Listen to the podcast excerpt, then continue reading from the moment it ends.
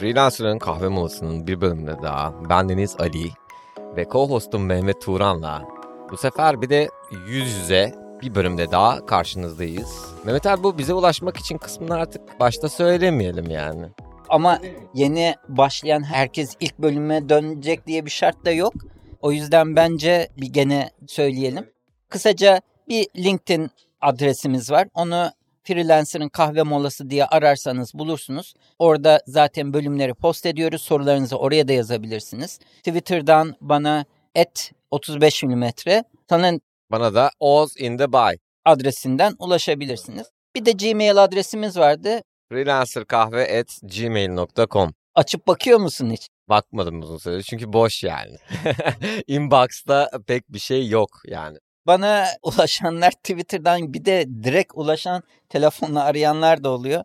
Teşekkürler ama mesaj atmanız daha kolay olur diye söyleyeyim. Aynen ya da gruba katılıp Evet LinkedIn grubuna katılın. Biz o anda uygun değilsek belki grupta olan başka birisi de size yardımcı olabilir. Aynen.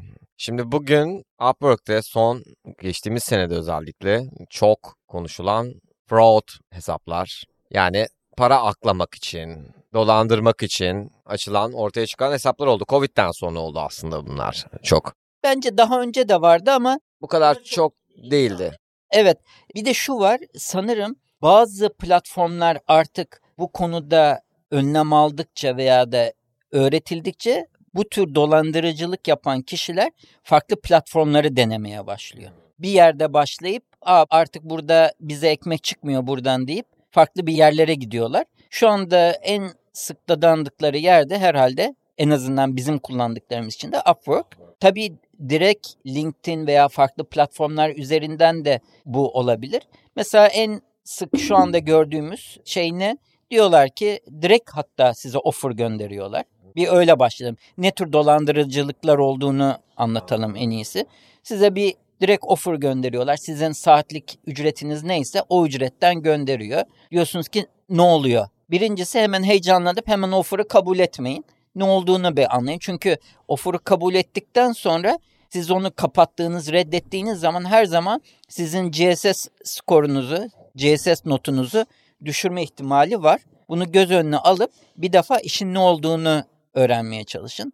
Ne söylüyorlar size? İşte benim Türkiye'de bir ekibim var ya da başka bir ülkede ekibim var ama ben buradan para göndermeyi beceremiyorum.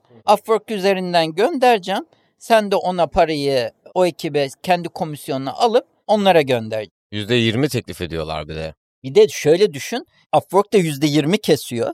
Mehmet abi sen söyledin sanırım grupta geçen gün. Birinin hesabını askıya almışlar bu yüzden. İşbirliği yaptığı için bu insanlardan birini. Aynen öyle. Bu Upwork tartışma gruplarına savcılık tutanağını da bu kişi yüklemiş. Gösteriyor yani ne yaptığını. Ama hep söylenen bir şeydir. Seninle de konuştuğumuz bir şey.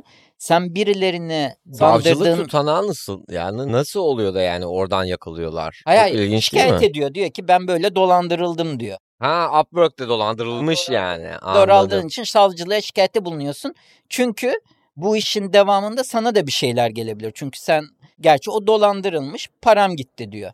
Orada yapılan şey ne? Bu anlattığımız gibi işte ben sana para göndereyim. Bir sefer insanın önce durup bu işin bir mantıklı yanı var mı diye düşünmesi lazım. Yani Upwork'ten %20 kesintiye olacak sana para gelecek. Sen de oradan %20 keseceksin ve birilerine para göndereceksin. Yani kişi %40 parasını feda ediyor. Ne uğruna?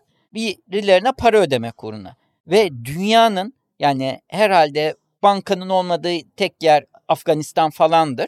Afganistan dışında bir yere para göndermek bir bankacılık sistemi içinde %3, %5 komisyonla rahatlıkla gerçekleşir. Yani bunun dışında birisi niye %40 parasını feda etsin? Yani Pakistan'a da gönderirsin bankalar var. Hani en fazla alacağı komisyon %5'tir. Yani Türkiye'de %3 ile Swift gönderebiliyorsun. %5 olsun, 10 olsun. %40'a niye girsin birisi? Yani sen burada çok ay süper fikir diyorsun. Zaten Upwork'ın Terms of Service'te iş dışında bir şey için şey kabul edilmez diyor. Fraud, Yani çünkü fraudun önüne geçebilmek için yani.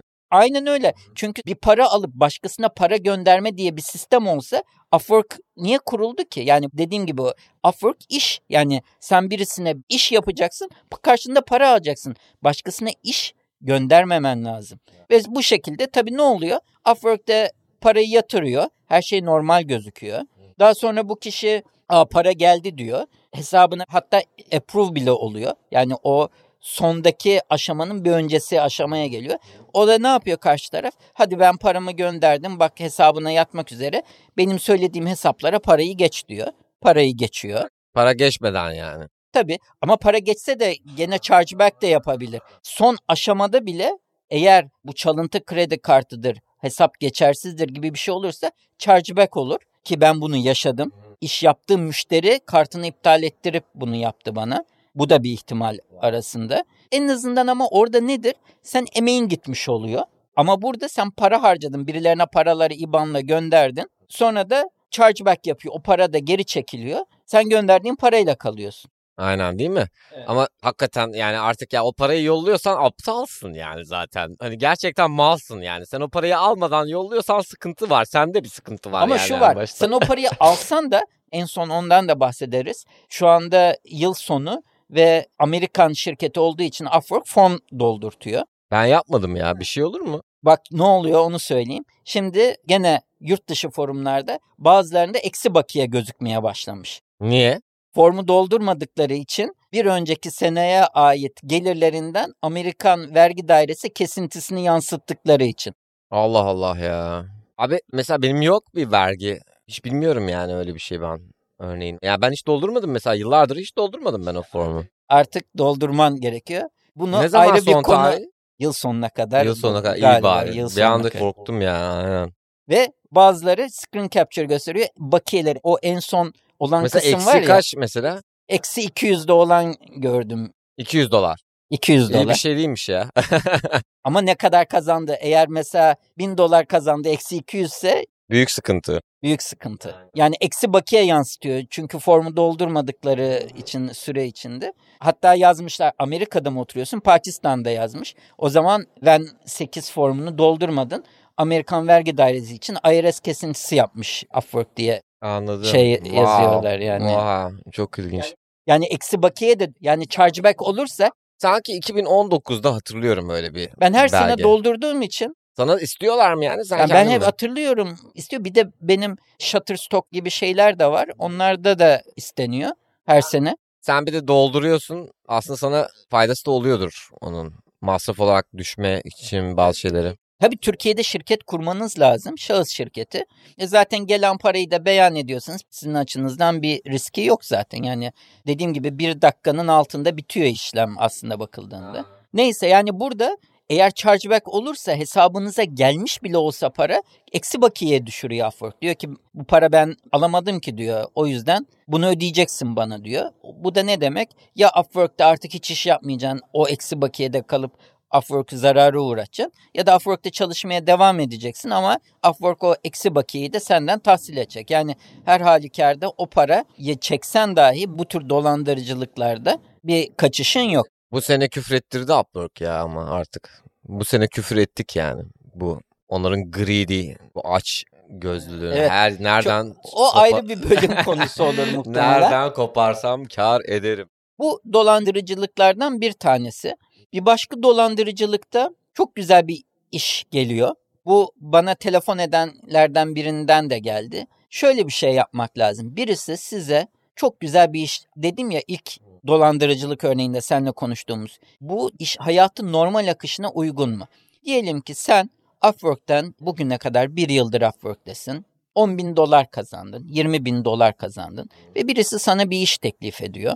Ve diyor ki bu işi yaparsan sana 15 bin dolar vereceğim. 20 bin dolar kazanmışsın bugüne kadar. Benim söylediğim kişi de bugüne kadar 10 bin dolar kazanmış 15 bin dolarlık iş yapıyor. Gelmiş tek seferde.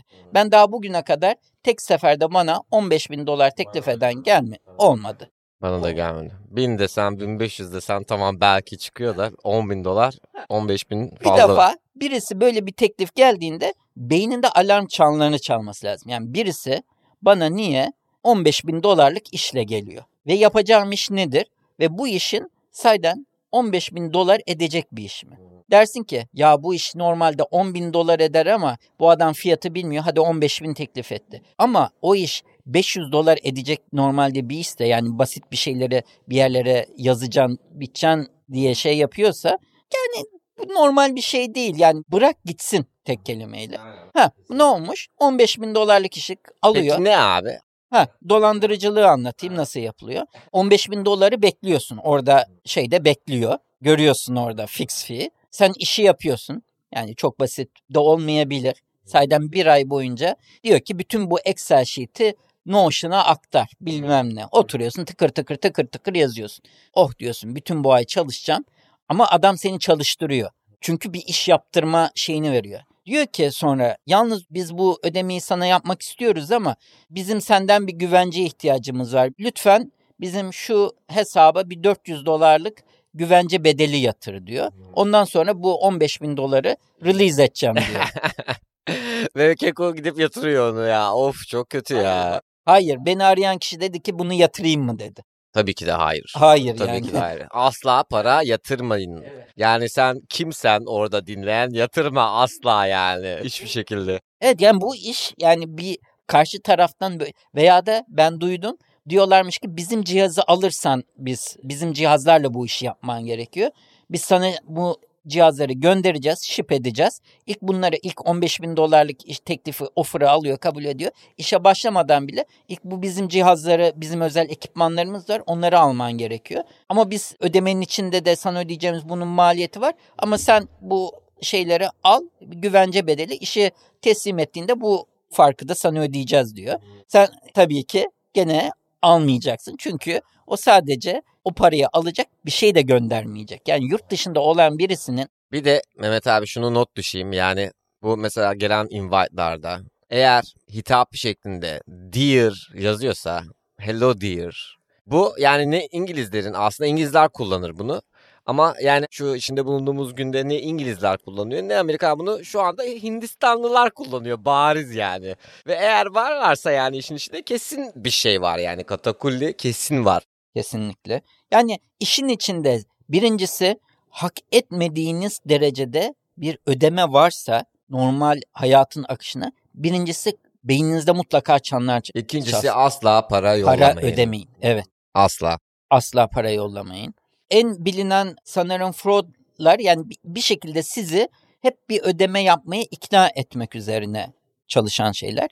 Üçüncüsü ise gerçekte sizi bedavaya çalıştırmak üzerine yapılan işler. Buna ben kandım. Onda yapılacak şey şu. ilk defa bir müşteriyle çalışacaksanız ve bu şekilde çalışanlar saatlik olması konusunda ısrarcı oluyorlar. Benim mesela sen de biliyorsun çok saatlik çalışma taraftarı birisi değilim. Ama bazen müşteri ben saatlik istiyorum diye ısrar ediyor. Birincisi bunu olduğunda gene sinyali şey yapın ve daha önce bu kişiyle çalışmadıysanız manual hourly'yi hiç kesinlikle kullanmayın. Niye? Çünkü manual hourly olduğunda yani siz kendiniz saat Log girdiğinizde saatleri. Evet, kendiniz logladığınızda bir güvence altına almıyor Upwork sizi. Ve ben de hiç sevmiyorum o saati çalıştırmayı. Ama sırf bu tarz kişiler yüzünden ve yaşadığım bir olay yüzünden artık ben böyle ısrar eden kişilere otomatik bu saat şeyini çalıştırıyorum. Çünkü o zaman en azından Upwork'a bu şey gidiyor. Bu kişiler ne yapıyorlar? Aslında kart geçerli. İlk Upwork şey yaptığında başlatıyor sisteme girdiğinde siz çalışıyorsunuz çalışıyorsunuz iş bittiğinde kredi kartını iptal ediyor. Upwork parayı çekemiyor size yansıtmak istiyor.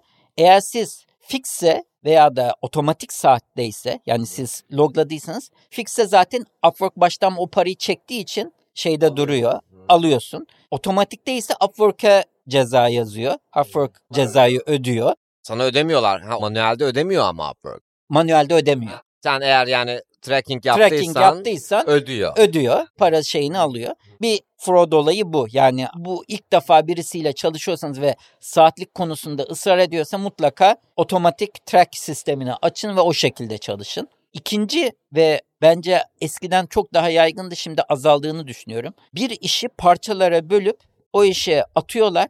Herkese farklı bir test işi gönderiyor. Evet evet biliyorum onu. Aynen. İşi bitirmeye çalışıyor. İşi öyle. bitirmeye çalışıyor. Herkese işin Free. Hemen report edeceksin. Diyeceksin ki kardeşim bu free work istiyor benden. evet, aynen öyle. Yapıştıracaksın Orada yapacağınız reportu, şey. Aynen. Birincisi işin eğer sizin profiliniz gayet iyiyse birisinin size tekrar iş yaptırmasının anlamı yok. Ben %95 bedava iş isteyenlerin hepsini reddediyorum. Tabii. diyorum, Bana evet. gelip dediklerinde bir ay iki ay deneyelim. Ben diyorum ki ya kardeşim sen şaka yapıyorsun herhalde. Ben sizi deneyeyim aslında bir ay iki ay. Çünkü zaten mal ortada yani. Her şey yazıyor job history'de. Her şey görünüyor. Yani aslında çok derin bir job history olmasına da gerek yok. Yani bu aslında normal hayatta da bence freelance olmayan bir işte de bence çok saçma bir şey. iki ay deneyelim. Neyi deniyorsun yani? Ben gelmişim. Burada konuşuyoruz. Zaten ortada bir noktaya gelmişiz ki konuşuyoruz. O yüzden onu da yapmamak lazım bence deneme Burada olayını. en fazla deneme illa istiyorsanız diyebilirsiniz ki ben ilk bölümü ya da ilk görseli, ilk işi sana bir test işi fiyatından yapayım. Benim normal fiyatım diyelim ki 100 dolar. İlk işi ben size 50 dolara yapayım. Ya da mesela ben şey yapıyorum Mehmet abi. Atıyor mesela bölümü. Ya diyor işte bir deneme yapar mısın? Bir süredir olmadı ama tamam diyorum yaparım. Mesela 30 dakikalık bölüm atıyor. 2 dakikasını editliyorum, yolluyorum yani. Al diyorum bu kadar deneme, beleşe deneme. Yani bu kadar oluyor. Hem kalitesini görüyor. Senin işin ona imkan veriyor. Tabii görselde bu mümkün olmayacağı için ya da şöyle yapacaksın görselde illa bedava yapıyorsan pul büyüklüğünde yapacaksın ama o da işin kalitesini gösterme imkanı olacak.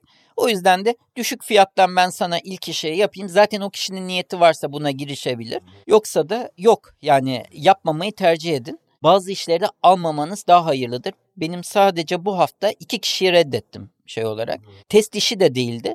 Birincisi bana ilk kişi çok yazıştırdı. Yani her şeyini ıncık ıncık ediyor. Dedim ki bu iş yani işi aldığımda hayatı bana zindan edecek. Yok yok iyi etmişsin aynen. ya. Ben öyle bir hatayı iki tane var bende şimdi onlardan. Başımdan da savamıyorum çünkü feedback removal'da kulağım mecburiyetten şimdi uğraşıyorum yani bildiğin aynen.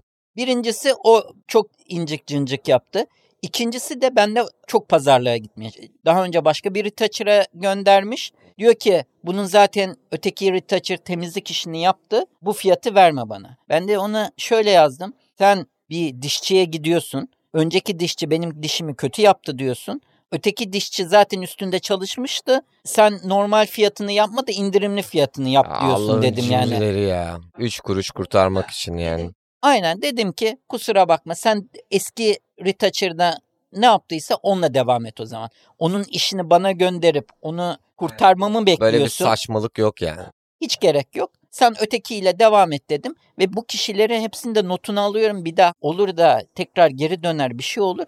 Almak istemiyorum. Direkt mimliyorsun yani. Dinliyorum. Aynen öyle yani. Hiç Mehmet abi ya bu kadar sistematik olunmaz. Mimliyorsun bile yani. Bilmiyorum bu benim baş ağrısını ve sinir sağlığımı korumam açısından. Hatta istersen son kaç dakikamız oldu şu anda? 21 dakikadayız. Devam edelim. Tamam. Problem yaratan veya da artık çalışmak istemediğiniz müşteriden de nasıl ayrılır? Yani ya A fiyatınızın bu müşteri için çok düşük olduğuna karar verdiniz ya da bu kişiyle artık çalışmak istemiyorsunuz ve usulünce nazik bir şekilde çok da kırmadan bu kişiyi nasıl gönderirsiniz? Son olarak bunu konuşalım bu bölümde. Başka bir bölümün konusu bu bence.